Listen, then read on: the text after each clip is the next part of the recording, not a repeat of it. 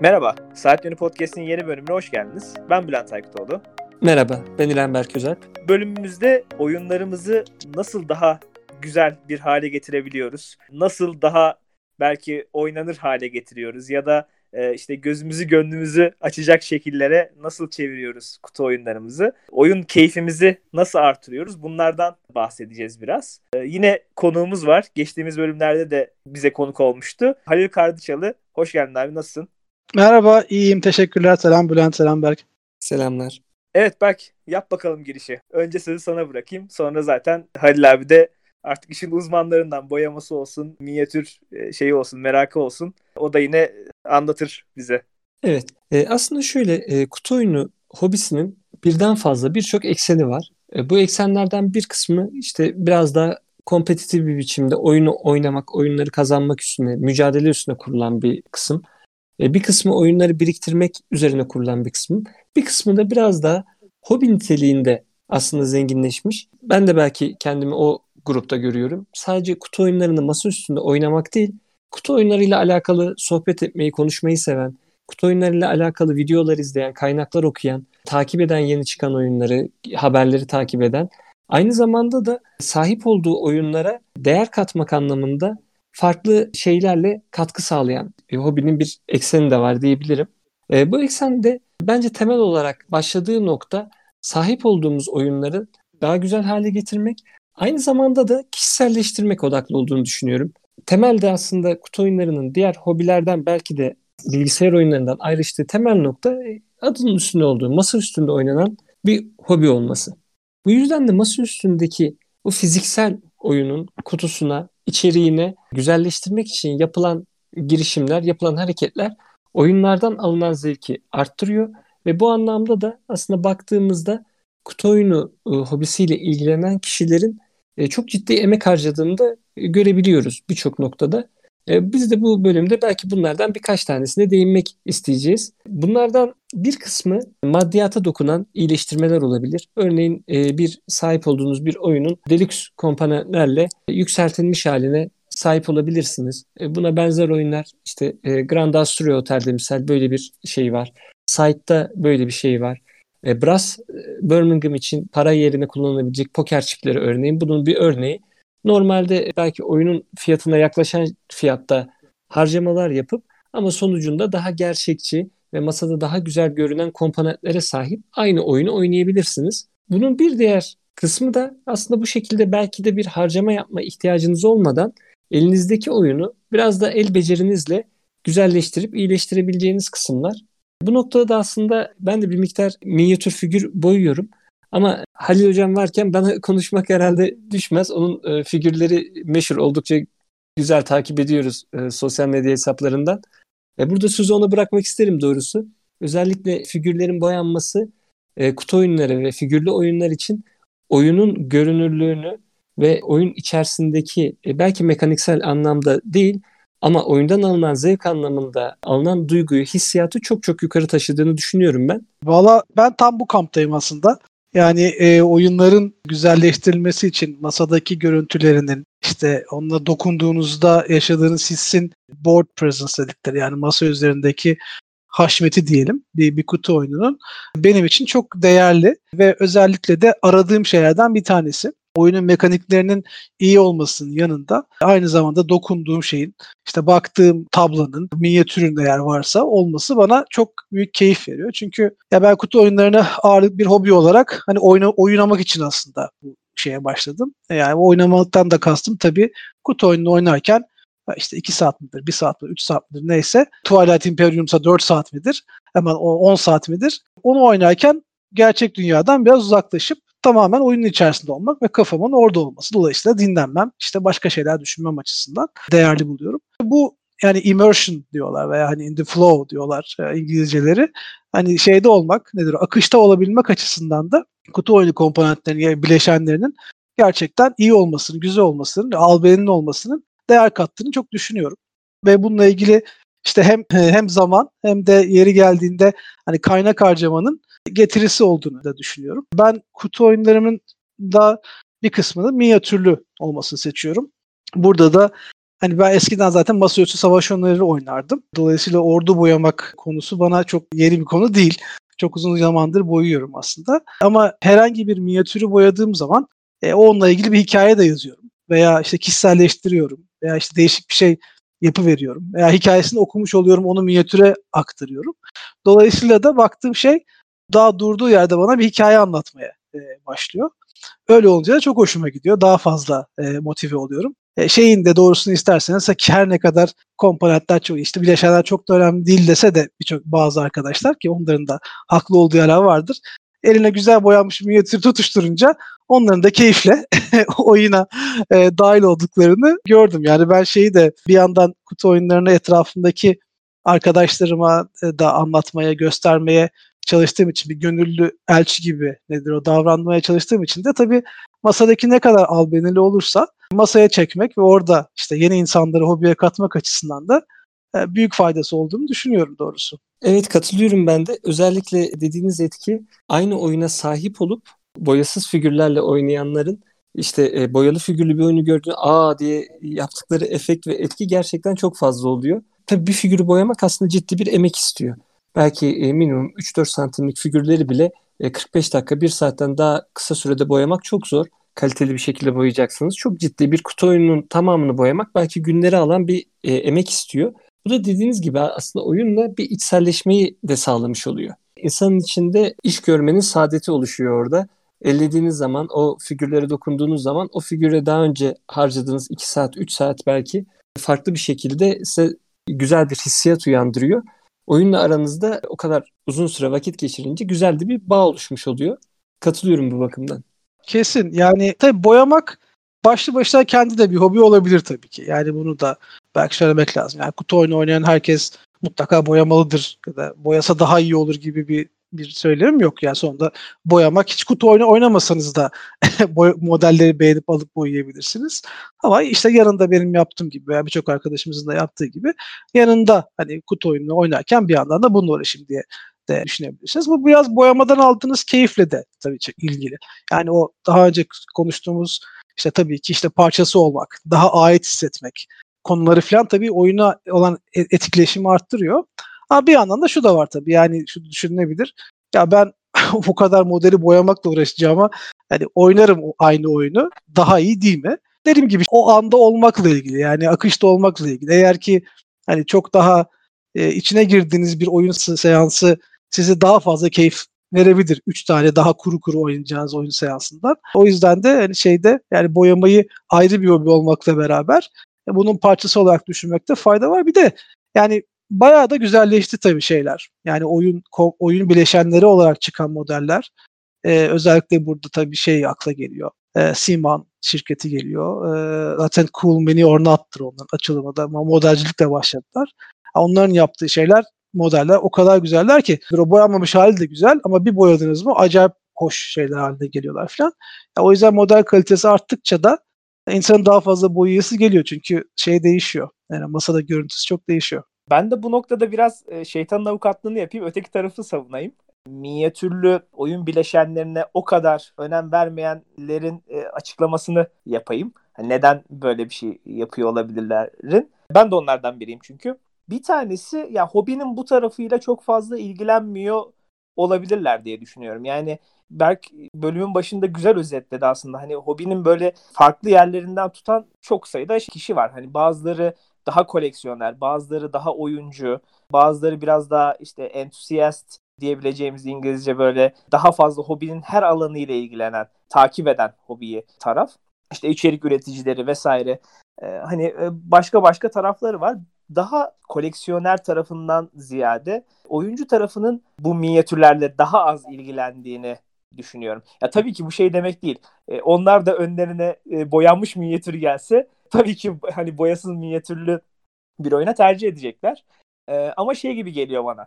Koleksiyoner değiller ve ya da o oyuna sahip değiller. Arkadaşları sahip ya da başka bir yerde etkinliklerde oyun oynuyorlar. Hani bundan keyif alıyorlar. O tip bir durumda biraz daha böyle oyun oynayayım odaklı yaklaşıyor olabilirler. Hani farklı şeyleri deneyeyim ya da var olanı güzelleştirmekten ziyade kendisinin olmadığı için hala hazırda e, başka bir şey deneyeyim ya da aynı sevdiğim oyunu tekrar oynayayım diyebilir. E, alınan zevkin kat be kat daha fazla olduğuna %100 katılıyorum. Yani bir Blood Rage'i boyasız minyatürlerle oynamakla e, boyalı minyatürlerle oynamak arasında hani ciddi fark var. E, ama hani böyle bir e, açıklaması olabilir diye düşünüyorum. Ya tabii burada şeyi de ya bu bakış açısını da anlamak çok çok mümkün yani. Genelde burada şey program şeyde çıkıyor. Minyatürler olmasın, lanet olsun minyatür yapanlara. minyatürler yüzünden çok pahalı olduğu oyunlar diye bir serzeniş var. E, öte yandan da diğer kampta da yani aslında sırf minyatür bedeli olarak baktığınızda genelde en pahalı oyunlar bile sırf minyatürünü alacak olsanız başka bir minyatür üretici şirketten çok daha ucuza geliyor. Ama tabii ki bu yani eğer ki hiç ilgilenmiyorsanız işin minyatür boyutuyla sizin için hani böyle tamamen e, boşa yaptığınız bir harcama olarak da gözükebilir. Değil mi? Onun ona vereceğim paraya başka bir oyun daha alırdım diye de düşünülebilir. Bu da çok e, makul bir yaklaşım bir yandan. Ama şeye de çok ilgisi var. Yani çok fazla oyunu denemek mi sizin şeyiniz, yaklaşımınız? Yoksa hani bir oyunu tekrar tekrar oynamak, bazı oyunları hani çok nedir o beğenip onları tekrar tekrar oynamak mı yaklaşımı da e, fark eder. Çünkü şimdi şey hissi çok başka. E, herhangi bir Euro game, Euro, Avrupa tipi oyun olduğunu düşünelim. Yani orada şimdi size bazı paralar verildiğinde kartondan e, onlar böyle kartondan bir şeyler. Buna karşılık bir, bir gün karşınıza demir paralar çıkarsa onunla aldığınız o hissi e, ben eminim hiç kimse unutamaz. E, yaptığınız şeye de anlam da kazandır. Hakikaten para kazandım ben ya bir dakika filan diye e, şeyinizi de nedir olan oyundan aldığınız yani oyunun içine girmenizi de e, arttırır. Ama yani her oyunun da paldır, paldır küldür parasını almak ne bileyim bileşen arttırmalarını almak, geliştirmelerini almak gerekir mi? Hani çok pahalıya geliyor genelde. O yüzden bence gerekmez. Buna karşılık hani buradaki ara yol yani çok oynadığınız yani top 10'unda bu oyun yani en sevdiğim 10 oyun, en sevdiğim 20 oyun bunlar dediğinizde yani tekrar tekrar da o oyunları oynayacağınızı düşündüğünüzde hani orada bu yatırımın e, daha anlamlı olabileceğini ben düşünüyorum doğrusu. Tabii ya kesinlikle katılıyorum. Bir de şeyden de bahsetmek lazım bu noktada. Biraz giriş yaptığın gibi abi. Hangi tip oyunları sevdiğinizle bağlantılı olarak tercihlerinizde farklılık gösterebilir. Yani Avrupa tarzı oyunlarda da gelişim yapabiliyorsunuz oyun bileşenlerinde ama bir tematik oyundaki kadar etki etmiyor. Yani işte minyatürlü, daha fazla böyle komponent kalitesini, bileşen kalitesini ön plana çıkaran, görsele hitap eden oyunlardan alınan keyif bence daha fazla oluyor. Hani bu etkiyi daha fazla görebiliyoruz. Avrupa tarzı oyunlarında biraz daha mekanik odaklı oldukları için e, görsellikten ziyade belki daha işte soyut düşünmeye, işte strateji geliştirmeye odaklı oldukları için, bunu ön plana çıkardıkları için bileşen iyileştirmesi belki biraz göz ardı edilebilir diye düşünüyorum. Valla şöyle evet. bir şey diyeceğim o anda. Pardon sözünü kestim. Ya benim Halil şimdiye kadar ya, yaptığın oyun geliştirmelerde en en iyi 5 hangisiydi desen bir tanesi kesin Viticulture'a aldığım paralar. Yani Viticulture'ın zaten hani şeyi güzeldir. Nedir o? Hem tablosu güzeldir, bileşenleri güzeldir, şudur budur filan. Yani çok o oyunu da çok severim. Yani bizim hanede çok sevilen bir oyundur. Ama abicim o liralar o kadar tatlıymış ki. yani gerçekten para kazandığını, para verdiğini hissettirme. Şıkır şıkır oynuyorsun elinde filan. Gerçekten orada bir şaraphane işlettiğini nedir o bir kavun sahibi olduğunu hissini veriyor sana. Yani o açıdan çok da göz ardı etmemek lazım yani o hikayede. Ya bir tane daha mesela aklıma örnek geldi buna şey olarak. O da e, Lords of Waterdeep. Orada da şeyler nedir o? Fighter'ları turuncu küpler, e, büyücüleri mor, klerikleri beyaz, şeyde siyahtır. Şimdi böyle küptür ama onlar tamam mı? Biz bunu ilk oynadık arkadaşlarımla. De FRP eski, e, ekibim benim. Ya böyle bir bir yerden sonra ya bana iki turuncu küp ver, bana bir tane siyah ver filana geldi hikaye. Ya dedim bu, burada bir yanlış var ya bu böyle olmamalı. Çok biz şu anda maceralara fighter gönderiyoruz ya böyle şey olur mu? Sonra şeylerden aldım o küçük işte yani o meeple'ların o pulların e, işte şeylerinden lazerle kesilmiş böyle tahtadan işte fighter gibi kesilmiş ne bileyim işte wizard gibi kesilmiş falan. Onlardan aldım. Bir anda her şey değişti. Yani hakikaten bir hani bu adamlar benim adamım. Yani bunlar turuncu küpler değil sadece. Bu bir fighter falan. Bunu strike nereden baksan 17-18'de falan dediğin adamlara dönüşler yani baktığında. Ondan şeyde immersion açısından yani oyuna girmek açısından fark ediyor. Ama tabii tematik oyunlarda kesinlikle daha fazla. Yani orada çünkü hele ki yani boyama emeğini de koyarsan veya Nemesis'i falan düşünelim yani baktığınızda. Yani siz bir uzay gemisinin içerisindesin. İşte uzaylılar seni kovalıyorlar nereden geldikleri de belli değil filan falan bir Alien filmi gibi hissedebilmek için ya bir pulu ittirmek yerine bir adamı hani orada kullanıyor olursan çok daha farklı bir his yani. Evet. Ya da işte borudan bir tane daha pul siyah pul fışkıracağına gerçekten alien gibi bir yaratık fışkırırsa o zaman diyorsun anam anam mah- mahvolduk şimdi filan. Yani o açıdan evet, tematiklerde özellikle çok fark ettiriyor. Ben şimdi bunları da söyledim ama kendi kontramı düşünürken buldum. Sizin de aklınıza gelir belki biraz düşününce de. Sizce en çok komponent bileşenli iyileştirilen oyun hangisi? Bir Avrupa tarzı oyun İyileş- aslında. İyileştirilen. Terraforming Mars'tır. Evet Terraforming Mars. Ha mesela Terraforming Mars'ı ben oynayamıyorum. Oynayamamamın sebebi de iğrenç gözüküyor masada çünkü. Evet. Oyunun kendisi çok güzel. Teması çok hoşuma gidiyor. Ama yok mümkün değil. Kağıtlara bakamıyorum. Ya bu ne diyor? Ay e.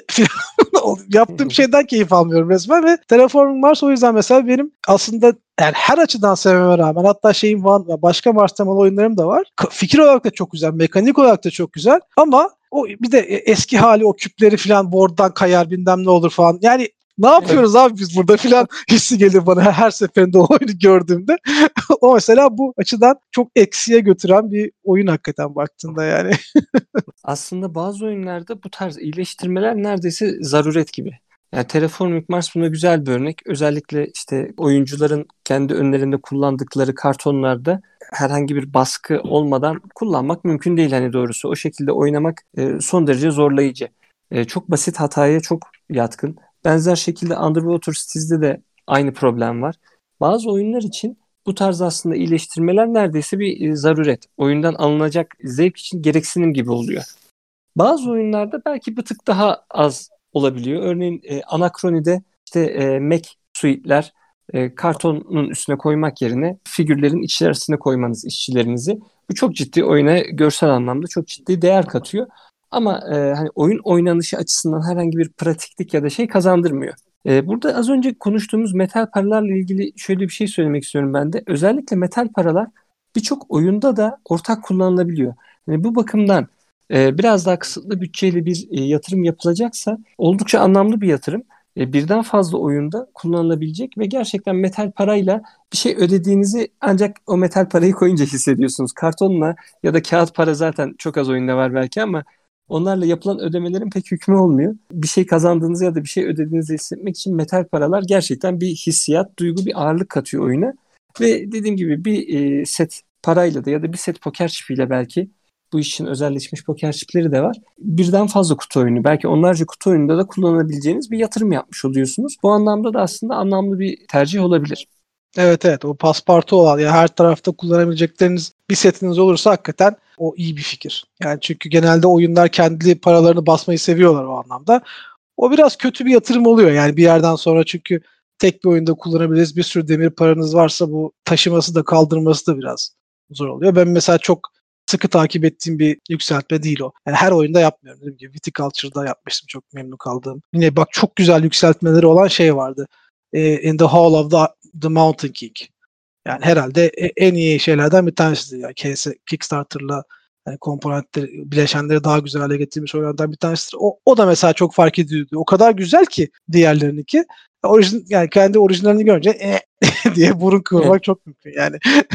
Aslında burada şöyle bir şey açığa çıkıyor. Ee, özellikle Kickstarter oyunlarında e, şu an tematik oyunların çoğunda iki tane genelde şey oluyor.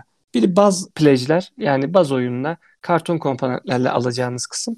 Ve bir de e, Kickstarter'la gelen bazıları Kickstarter eksklusif e, sadece Kickstarter'a özel bazıları da Kickstarter'a özel olmayıp deluxe denecek komponentler. Örneğin Blood Rage'de de e, standart versiyonunda ufak kartonlarla aksiyon pointleri tutuyorsunuz. Ama Kickstarter'da e, beklediyseniz oyunu e, onun yerine 3 boyutlu figürler geliyor. E, bu da aslında oyunlarda bir seçenek de bırakıyor kullanıcılara. Eğer oyuncu tamamen tema odaklı düşünüyorsa bu şekilde bir tercih yapabilir. Baz oyununa bir tercih yapabilir. Ama biraz daha farklı gereksinimleri varsa ya da masadaki görüntüsüne daha çok önem veriyorsa da daha fazla harcamayı göze alıp e, iyileştirilmiş deluxe versiyonuna devam edebilir. Bu bakımdan Kickstarter güzel bir bence iş modeli de oluşturuyor. Aha.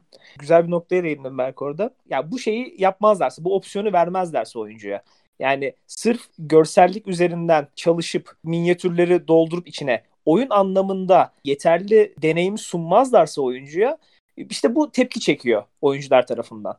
Ve hani hobiyi, hobinin belki biraz karanlık noktasına götürüyor işi. Yani sahip olma ya da işte hava atma tarzı e, alışkanlıklara yaklaştırıyor gibi görünüyor. Kalitesiz Kickstarter projelerinde bu seçeneğin olmadığını görüyoruz. Kartonla oynanabilecek bir şeyin üretilmediğini, tamamen işte minyatür üzerinden para kazanılacağını hissettiğiniz bir ürünün olduğunu görüyorsunuz. Ee, hani bu da rahatsız edici olabiliyor bence. Ee, en iyi opsiyon dediğin gibi seçenek sunup hani geri kalanını oyuncuya bırakmak gibi görünüyor bence de. Ya bu çok haklı bir serzeniş. Özellikle biraz düzeldi bence ama bundan birkaç sene önce özellikle bence Kickstarter'lar yani iyice popüler olduklarında bu hani makyajı vitrini daha kuvvetli ne bileyim minyatürü falan güzel ya da minyatürü olan en azından bir sürü oyunu oyunun kendisi çok iyi olmamasına rağmen e, o minyatürler üzerinden e, bir ittirme onun üzerinden bir e, reklam yapma durumu çok oldu. Ve bu da tabii pe- yani pek çok daha böyle oyunculuğu ciddiye alan kişilerde tepki de yarattı. Çünkü fiyatları da arttırdı otomatik olarak. Yani içine minyatürü koydukları zaman tabii ki yani maliyeti de artıyor ama sen şey gibi de oldu yani firmalar daha fazla da yani bence maliyetten çok daha fazla bir kar getiren oranda fiyatlarını arttırmaya e, başladılar sırf e, minyatür koyarak. Bu tabii çok haklı bir serzenişe sebebiyet verdi ama biraz taş, taştı da bence bir yerden sonra. Çünkü bu sefer de minyatür gören herkes tepki göstermeye başladı. E, buna karşılık minyatürler yani e, dediğim gibi bence oyun deneyimine çok ekleyen şeyler. Yani boyamayı tercih ederseniz de etmezseniz de her halükarda yani bir pulu ittirme. Kırmızı pul olmak var.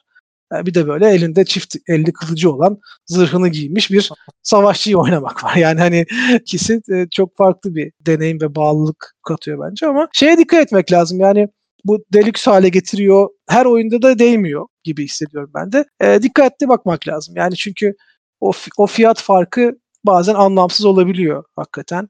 Yani oyunu bir kere çünkü sevmeniz lazım. Kickstarter'lardaki en büyük problem o. Yani bir risk alıyorsunuz sonunda oyunu. Yani çok, eğer oynanışı oynanışı bir şey yoksa henüz tam bitmemiş bir oyunu alıyorsunuz.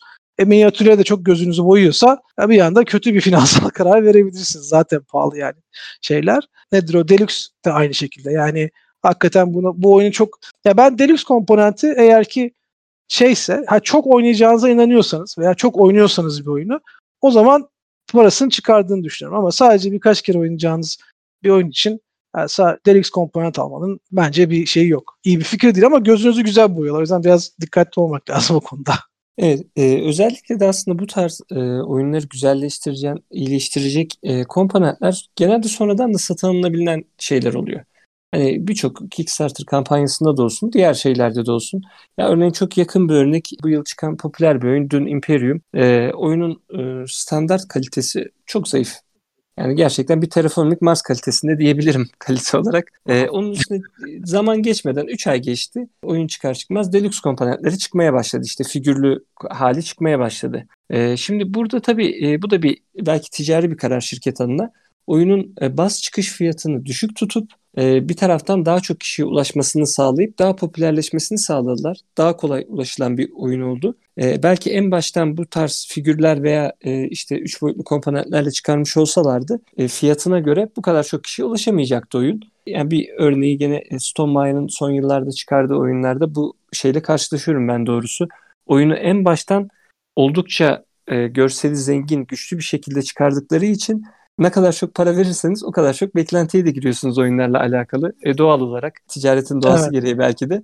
O yüzden de çok tepki alıyorlar. Stonemaier son e, yıllarda çıkardığı birkaç oyunda bu şekilde belki de gereksiz tepkiler aldı. E, burada misal güzel bir e, strateji yürütmüş olabilir firma. E, oyunu bas halde çıkarttı ama herkes de şikayet etti. Yani oyunu oynayan neredeyse herkes ya keşke biraz daha eli ayağı düzgün olsa şu komponentlerin dedi. 2-3 e, ay geçmeden bir de Deluxe komponentleri ayrıca satacak şekilde çıkarttı. Ve böylelikle aslında alıcıya da tüketiciye de bir tercih sunmuş oluyor. İki kere sattılar aslında yani sevenlerine. ya o da sinir bozucu olabiliyor şey gibi ya hani bilgisayar oyunlarında da ya bakıyorsun bir oyun alıyorsun başka karakter almak için downloadable content DLC alman lazım. Sonra işte başka bir karakter için de Aa, ama onu şurada satıyoruz. Onun işte deluxe versiyonunu almanız lazım gibi böyle şeylerle karşılaşıyorsunuz. Kutu oyunlarında da olmaya başladı. Böyle can sıkıcı oluyor. Şey, şey gibi oluyor çünkü. Ee, biliyorsun ki ya adam da farkında şeyin. Ürününün kalitesiz olduğunu biliyor. Göz göre göre öyle veriyor. yani. yani şeyde burada tabii Stonemaier enteresan bir bir örnek. Yani çünkü yani oyunlarının da ben genel olarak çok iyi ve eğlenceli oyunlar olduklarını düşünüyorum. Yani hani belki mekanikleri her zaman en iyileri değil ama sonunda hani Viticulture'da benim çok sevdiğim onların site yine hem büyüklere versiyonu site'ı hem My Little Site'ı çok seviyorum ikisini de şeylerini. En son Wingspan'e de oynadım ama Wingspan'de mesela kayınvalidemlerle oynadığımız bir oyun. Yani kendi oyun grubuma götürmedim ama işte ailecek böyle oynayacağımız kategoride. Yani özellikle o tip yani kimle oynadığınız önemli burada. Gerçekten eğer ki yani hardcore yani oyun, oyun için oyun oynayan bir ekipte belki bunun hassasiyeti daha az olabiliyor. Hatta tepkiye bile sebebiyet verebiliyor. İşte bu fiyat şeysinden ama yani masaya kimi çektiğinizde çok ilgili. Çünkü yani sonunda şimdi biz bile burada konuşanlar olarak oyunun nispeten ciddi alan insanlarız. Yani oyunu oyun olarak da oynamayı seven insanlarız. Ama hani ben de geldim ne oluyor burada diye bakanlar açısından da yani masa çok önemli olabiliyor. Stonemaier da bunu çok iyi yapıyor. Yani genel olarak oyunlarının hani baz şeyi de çok güzel. DLC noktasında da kopmuş durumdalar gerçekten. Yani hani acayip ve de pahalıya satıyorlar şeylerini. Yani buna karşılık baz oyunları çok güzel. Yani masada hepsi çok güzel gözüküyorlar yani. yani mekanik olarak baktığında hepsi e, türün en iyisi midir? Yani muhtemelen tartışılır. Ama pek çok insanı yani popüler olmayı da başarıyorlar. Yani pek çok in- oyun deneyimi olarak baktığınız zaman mesela çünkü oyun deneyimi bence mekaniklerden farklı bir şey. Yani sadece mekaniğin çok iyi olması değil, hakikaten işte seni içine aldı mı, al, başka yerlere götürdü mü, hani o çok eğlendirdi mi de hani oyun deneyimi bir parçası olduğu için dolayısıyla bileşenler de onun bir parçası. O yüzden pek çok insanın da en sevdiğim oyunlar kategorisinde yukarı yükselmeye baş, başarıyor bu oyunlar. Ya Stonemaier Games'in şöyle bir özelliği var. Benim yaptığım ürün güzel olsun. E, yani mekaniğine bakarız durumu mevcut biraz. Stonemeier'den bir oyun aldığınız zaman o oyunun kötü görünmeyeceğini biliyorsunuz. Yani masada güzel görünecek. İşte bileşenleri evet. kaliteli olacak. Yani bunu biliyorsunuz. Bunu bilerek gönül rahatlığıyla alıyorsunuz. Sadece yani işte oyun mekanikleri acaba iyi mi çıkacak, kötü mü çıkacak? Onu da aslında inceleyebilirsiniz. Yani zaten günümüzde içerik üreticileri hani oyunlarla ilgili değerlendirmede bulunuyorlar. Pre-order'la almamak oyunu faydalı olabilir. Onun haricinde ki Stonemaier bence bunun farkında hani pre-order'la veriyor her şeyini artık. Hani reviewer'larını da saklıyor. Bence bu eleştirilecek bir taraf. Hani belirli bir yere kadar değerlendirmeleri göremiyorsunuz. Problemli bir şey ama buna dikkat ettiğiniz müddetçe e, güvenilir, kaliteli bir ürün aldığınızı biliyorsunuz bence. Evet. E, Kickstarter burada en büyük tehlike bence. Çünkü böyle bayağı bir gaza getiriyor geliyor. Bir de zaman sınırı var ya Kickstarter'larda en çok o patlatıyor. Yani bu e, FOMO diyorlar ya Fear of Missing Out Aha. yani eyvah ya, ya bana kalmazsa ya, ya benim olamazsa falan. Bunsuz ne yaparım? Hissine o süre koydukları için acayip yaratıyor Kickstarter'lar ve tabii daha da profesyonel hale geldiler gittikçe. E, sizin o yani bu şey kaş, şeyleri çok kaşıyorlar yani. Aman sahip olmalıyım benim olmalı. Evet evet hepsi benim olsun falan şeyini çok ortaya çıkartıyorlar. Ben burada şeyden çok eğleniyorum. Ben bu zamana kadar başarılı bir oyun olarak çıkan bir Kickstarter'ın tekrar yapılmadığına şahit olmadım.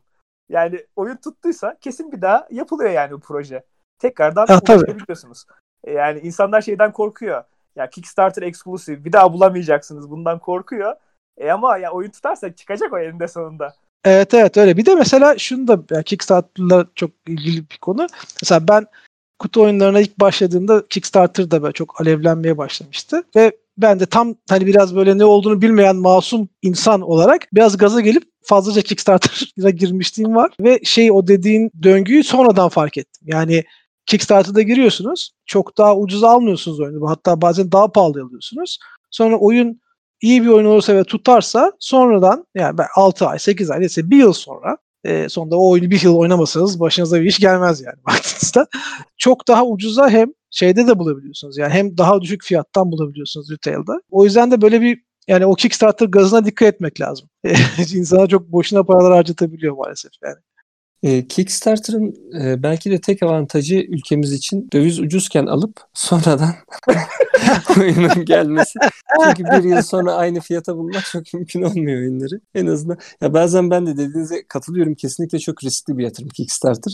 Ama hani kapıda görünce de zaten ben bunun parasını bir buçuk yıl önce vermiştim deyip hani biraz daha insana teselli oluyor. Belki şu anki parayla şu anki dövizle almaya kıyamayacağı bir oyun. ya ben mesela burada şey de söylemek istiyorum. Bence ya bu konuda en çok bizim camiada, Türkiye'deki camiada eleştirilen firmalardan bir tanesi Simon. Adı geçti zaten yani.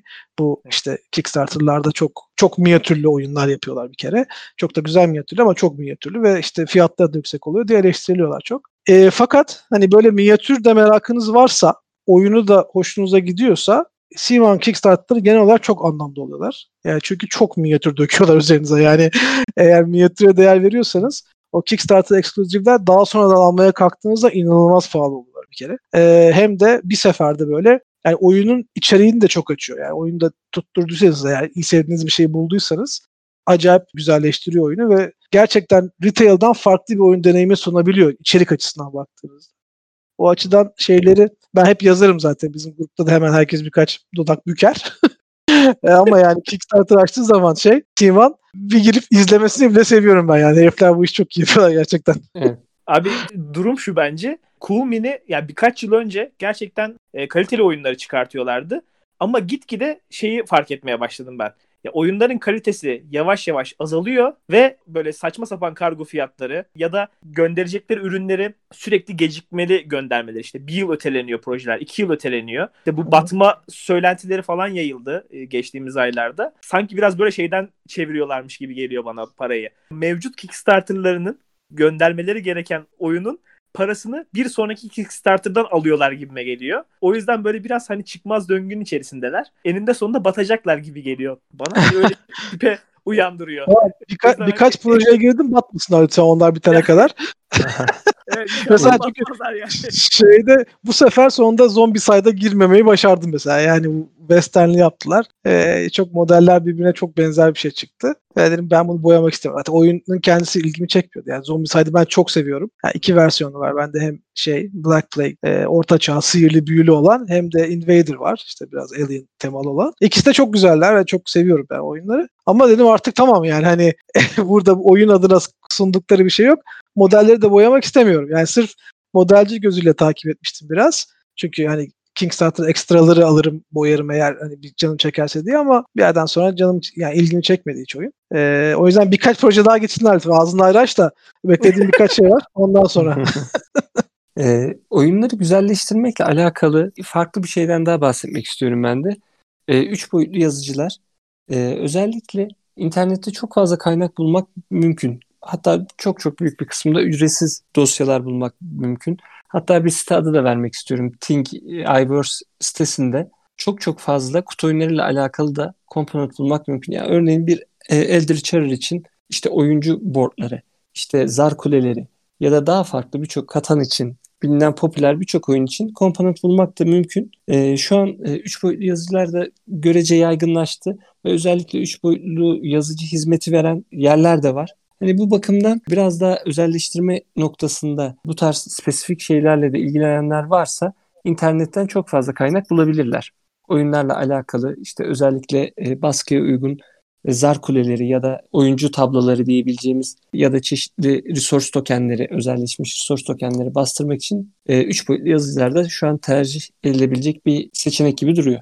Evet o çok doğru hakikaten. Yani şeylerde filan da bu arada bu Etsy'de Metsy'de filan da çok makul fiyatları bazı yükseltmeler bulabilirsiniz. Yani o çünkü bazıları çok pahalı ama biraz aranırsanız hakikaten makul fiyatta hani şeyli nedir o kargosu da ona göre ağır olmayan filan bir sürü bileşen yükseltici bulabilirsiniz güzelleştiren şey ve onların tabi yani düşük maliyetli oldukları ne güzel o zaman daha da fazla oyun keyfini ucuza getirdik yani. Ben burada bir de şeyin konusunu açmak istiyorum. Şimdi farklı geliştirmelerden, yükseltmelerden bahsettik. Bir de belki de zaten zaruri olan bazı şeylerden bahsettim. Hani bazı oyunlarda zaruri bu geliştirmeler. Gene bazı kesimler için e, zaruri olarak görünen bazı kesim oyuncuların da hani sevmediği bir şeye geleceğim. Sleeve'ler, kart koruyucuları, kart kılıfları. Siz ne düşünüyorsunuz? Önce belki bir sana sorayım. Da Vinci'de sleeve'siz oyun olsaydı ne olurdu? E, şöyle ben hani çok eskiden beri kart oyunları oynadığım için yani ortaokul yıllarından Magic kart oyunuyla başladığım için yani sleeve kart oyununun olmazsa olmazıdır. Bunun istisnası çok oynamayacağınız ve destesini karıştırmayacağınız oyunlarda hani hadi sleeve olmasın denebilir. Ama ben e, sleeve'li kartlarla oynamayı her zaman tercih ederim. Bence de öyle. yani sleeve oyunların can damarıdır bence. Çünkü yani yıpranmayı bir kere hem çok e, engelliyorlar. Sevdiğiniz bir oyun ve çok oynanan bir oyun özellikle. Yani burada ne kadar çok oynayacağız kısmı önemli. Yani hani oyunu açar açmaz genelde ben hemen sleeve'lemiyorum. Birkaç tur döndükten sonra ha diyorum tamam bu oyun hani kalır benim koleksiyonumda. Hani oynarım, oynatırım. Biraz diyorum ya ben şeyde bu gönüllü elçilik noktasında ciddiye aldığım için hani kendim çok süper bayılmasam da hani başkalarını oyuna yani olta atmak için kullanabileceğim bir şey diye düşünürsen mesela e, o gibi oyunlara mutlaka takıyorum sleeve. Çünkü kartlar şey yapıyor. Bir de pratik faydası da var. Daha iyi karıştırılıyor. Yani çok da destek karıştırılması gereken bir bir oyunsa e, o desteği karıştırırken de işi kolaylaştırıyor. Onda da mesela tavsiyem benim Sleeve Kings diye bir firma var. Kickstarter yapıyorlar bunlar yılda dört kere filan. Onların şeyleri bayağı güzel. Hem ucuz hem de ultra olmayan yani premium olmayan sleeve'leri de kalın bayağı. Güzel bir kalınlıkta yani böyle dandik bir sleeve'den daha iyi. Ee, onların şeylerinden bayağı memnunum. Hani bir şey olarak. Aklınızda bulunsun. Bayağı da ucuza geliyor eğer ki yani oradan alırsanız. Yılda 3-4 tane şey yapıyorlar. Evet. Kickstarter yapıyorlar. E, Sleeve Kings firmasını ben de kullandım. Tavsiye edebileceğim bir firma kesinlikle. E, bu işin en e, şey firması belki Mayday'dir. E, onun da sleeve'leri referans olarak kaliteli sleeve'lerdir. Ama e, sleeve'lerde daha önce şöyle bir şey başıma geldiği için söyleyeyim.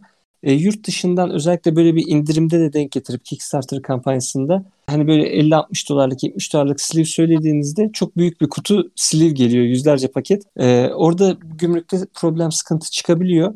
E, biraz daha ucuz bir alternatif olarak e, yerli firma Neutro'nun da sleeve'leri var.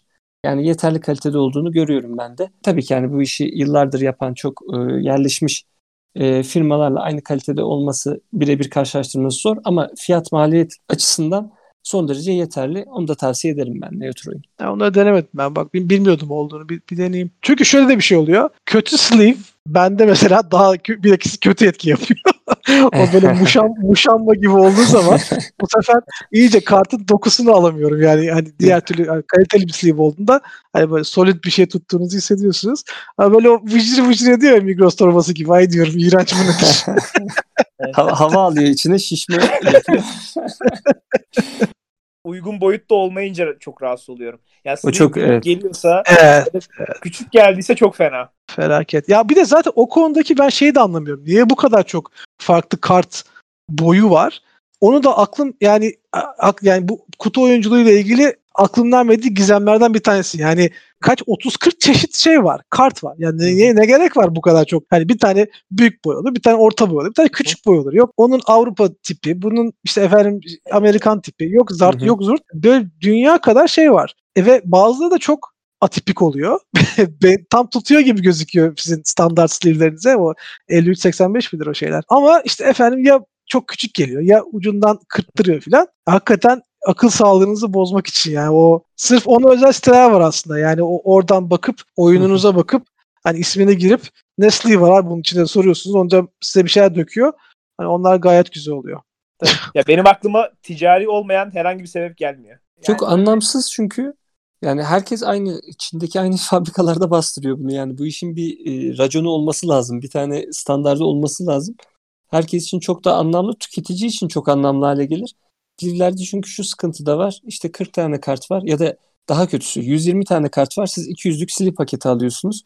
E, 80 tanesi başka Evet, bir oyuna evet, da uymazsa boş boş Hele duruyor. şey atıyorum eskaza oyunun 155 tane varsa mesela 3 sleeve açıyorsunuz 5 tanesi açıkta kalıyor böyle. Evet. Ölür müsün öldürür müsün yani gerçekten o anda.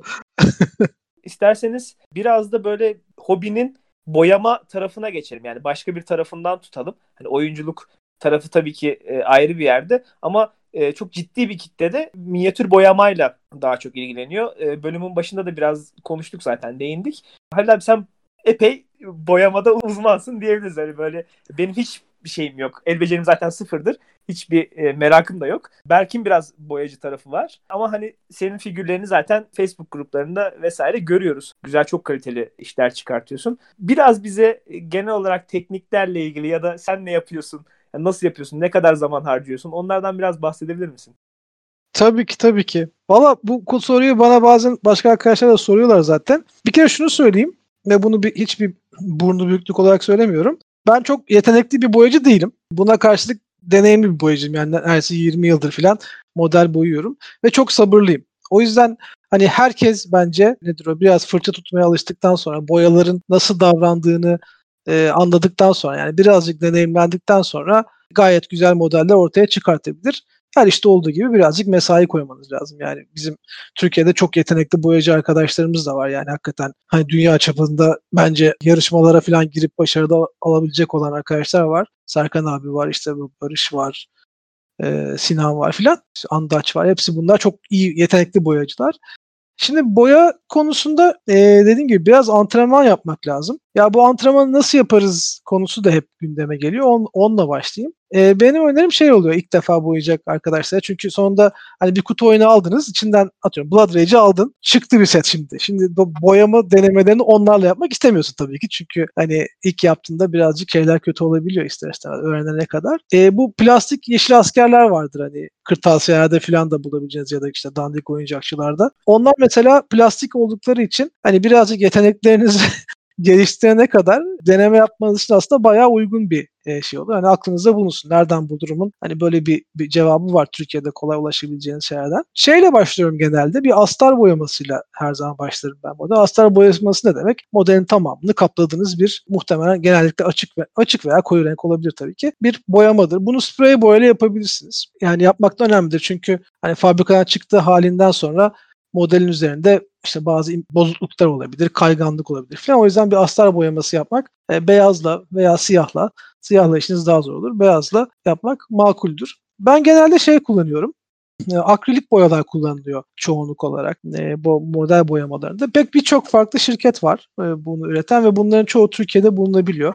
Türkiye'den almak istemezseniz yani yurt dışından da söyleyebilirsiniz. E, Vallejo var önemli bir firma. Citadel var benim ağırlıklı kullandığım ve Army Painter var mesela ilk aklıma gelenlerden. Bunlar hepsi çok kaliteli boyalar e, üretiyorlar. E, benim kullandığım boyalar hani gördüyseniz şeylerimi Citadel'in Contrast denen bir e, özel boya çeşidi var. Bunlar böyle biraz daha sulu, e, standart boyaya göre biraz daha farklı davranan boyalar. Birazcık da daha pahalılar. Ama işinizi çok kolaylaştırıyorlar. Çünkü kendi kendine çık çıkıkların, dikeklerin arasına girip ve bir e, boya şey modele de doğrudan açı verebiliyorlar. Derinlik kazandırabiliyorlar. Ama onu da kullanmayı biraz öğrenmek lazım. O yüzden biraz deneme yapmakta fayda var. E, fırça genelde soruyorlar. Fırçayı ben İstanbul'da işte güven kırtasiyeden alıyorum ama en kaliteli, en pahalı fırçaları almaya gerek yok. Hele ki deneme yaptığınız aşamalarda. Nasılsa uzun uzun parçalayacaksınız onları yani. E, parti parti yani profesyonelleşmedikçe bence çok pahalı fırçalara yönelmeye gerek yok. Böyle az çok gözünüzün kestiği şeylerle alabilirsiniz. İyi bir ışık lazım modeli görebilmek açısından. E, sonra da boyayı suyla açmak lazım. Eğer ki yani kontrast tipi bir şey kullanmıyorsanız. E, genelde çünkü yeni boyama yapan arkadaşların en büyük düştüğü hata kalın boya kullanmak. Olay yani fırçadan kabından aldığınız gibi şap diye sürerseniz e, şeye modele e, fırçayı o zaman genelde detayları kapatabilir katman yaratabilir. O zaman da modelle baktığınızda güzel görüntüsünü kaybedersiniz. Ve işte böyle bir denemeyi yapa yapa birazcık hızlı ustalaşabileceğiniz, yani sonuçlarının sizi de mutlu edeceği bir şey var mı? Bence birkaç ay içerisinde eğer sebat ederseniz e, mümkün. E, ama ben özellikle bir yerden sonra kontrasta geçmenizi tavsiye ederim. Çünkü çok hızlı sonuç almanızı sağlıyor. Özellikle de atıyorum zombi site falan gibi bir şey boyuyorsanız bir ordu minyatür var orada. Ve onları ben genelde şey yaparken eğer ki hani boyamaya niyet ettiğim bir kutu oyunu varsa boyama disiplinimi devam ettirebilmek için hani boyasız model sahaya inmez kuralı koyuyorum kendi kendime. Dolayısıyla da hani şey için içerik açmak için daha hızlı ve daha seri boyamam da gerekiyor. Kendi koyduğum kuraldan. Ee, işte ek pakete falan geçemiyorum. Eğer ki boyamadıysam gibi böyle kurallar koyuyorum kendime. Ee, ondan o, o, gibi şeyler de yapabilirsiniz. E, genelde hani ben geceleri birkaç saat boyuyorum. Yani boyamanın kendi başına çok güzel bir hobi olduğunu düşünüyorum ayrıca. Yani oyunu güzelleştirmek zaten. Çünkü hani el becerisiyle elde bir şey yaratmak insanı çok tatmin ediyor doğrusu gerçekten. Hele ki bu Covid döneminde de belki biraz yardımcı olabilir ilgilenenlere. E bir yandan da işte yaptığınız şey güzel olunca, masaya koyunca işte bu, bugün konuştuğumuz gibi hakikaten çok daha insan oyunun da içerisine giriyor, karakterin de içerisine giriyor. Çok daha büyük keyif alıyor yaptığı şeyden. Mesela yeni biz bir şeye başladık. Gloomhaven'ın e, Jaws of the Lion kutu oyununa başladık arkadaşlarla. Onda ben ilk iş modelleri bir boyadım. herkes önüne koydum. Ondan sonra öyle olunca tabii herkes çok şey benimsedi filan. Ee, çok büyük bir şevkle oynamaya başladık. Çok faydasını gördük o anlamda. Ondan yani bu şeyde de yani el becerisiyle ilgili bir şey olduğu için biraz sebat etmek lazım. Hiç cesaretiniz kırılmasın. Yani ben mesela hiç resme kabiliyet olmayan bir çocuktum. Çok zor geçerdi lisedeyken filan. Buna karşılık minyatürleri boyaya boyaya boyaya boyaya gibi sabır göstere göstere e, hani eli yüzü düzgün hale getirdim. Dolayısıyla da herkesin yapabileceği bir şey bu. E, yeter ki e, birazcık şey yapın. E, em- emeğinizi koymaya hazır olun. Kötü sonuçlar almaya da hazır olmak lazım. Zaman içerisinde geliştirebilirsiniz. Ya bana ulaşan arkadaşlar oluyor resimleri görüp e, bunu dinleyen ve ulaşmak isteyen de olursa e, memnuniyetle kendileriyle konuşmak, tavsiye vermek isterim doğrusu. Teşekkürler abi bilgilendirmeler için. Ee, yani aslında çok güzel, çok önemli noktalara değindin. Ee, ben çok başlangıç seviyesinde diyebilirim figür boyama noktasında. Aslında ben de uzun yıllardır boyuyorum. Ama e, çok fazla emek harcadığım, çok fazla zaman harcadığım bir hobi olmadı. Burada söylediğin noktalara kesinlikle katılıyorum. Ee, özellikle astar yapıp daha sonra figürü boyamak çok çok önemli bir nokta. İşte kullanılan boyalara sabır gösterip sadece tek katta çok kapatıcılığı yüksek boyalarla değil, mümkün olduğu kadar daha ince ve birkaç katta boyayı vurmak figürlere bambaşka bir görüntü katıyor. E, ışık konusunda da özellikle gün ışığı biraz daha tavsiye ediliyor benim de gördüğüm, kendi tecrübemde, e, internette okuduğum kaynaklarda da lamba ışığında çalışılıyorsa gün ışığı genelde tercih ediliyor diye okumuştum. Ve e, özellikle çok sabır isteyen bir hobi. Aslında kutu oyunlarıyla belki bilmiyorum e, çok kesişmediği noktalar da olabilir. Kutu oyunları biraz daha e, aktif ve şey bir hobi. Masa başına oturup bir saat iki saat oynayıp kalktığınız bir hobi. E, ama figür minyatür boyamada çok sabredip belki bir figüre 8 saat 10 saat harcamanız gerekebiliyor büyük bir figür için vakit harcıyorsanız. Ama son derece e, sessiz ve dinlendirici bir hobi olduğunu da e, biliyorum. Bu bakımdan da tavsiye ederim özellikle. Rahatlatıcı, çok daha stres e, ortadan kaldıran e, güzel bir hobi minyatür boyamakta. Senin de paylaştıkların için çok teşekkürler. Çok e, faydalı bilgiler oldu. Eminim ki bunları dinleyip de e, minyatür boyamaya, figür boyamaya başlayacak isteyecekler için internette bulabilecekleri birçok kaynağı sen çok güzel birkaç dakika içerisinde özetledin. Teşekkürler. Evet, isterseniz o zaman yavaştan kapatalım, tamamlayalım bölümümüzde. Ee, abi teşekkür ederiz tekrardan geldin, konuk oldun. Bileşen geliştirmek, oyun deneyimini ileri noktaya taşımak açısından bahsettiğin şeyler çok kıymetliydi, çok değerliydi. Teşekkür ederiz tekrardan. Ben teşekkür ederim. Çok keyifliydi. Çok teşekkürler çağırdığınız için de. Teşekkürler abi katılımın için. Evet o zaman bu programlık bu kadar diyelim. Gelecek bölümlerde tekrardan görüşmek, buluşmak dileğiyle. Kendinize iyi bakın. Hoşçakalın. Hoşçakalın.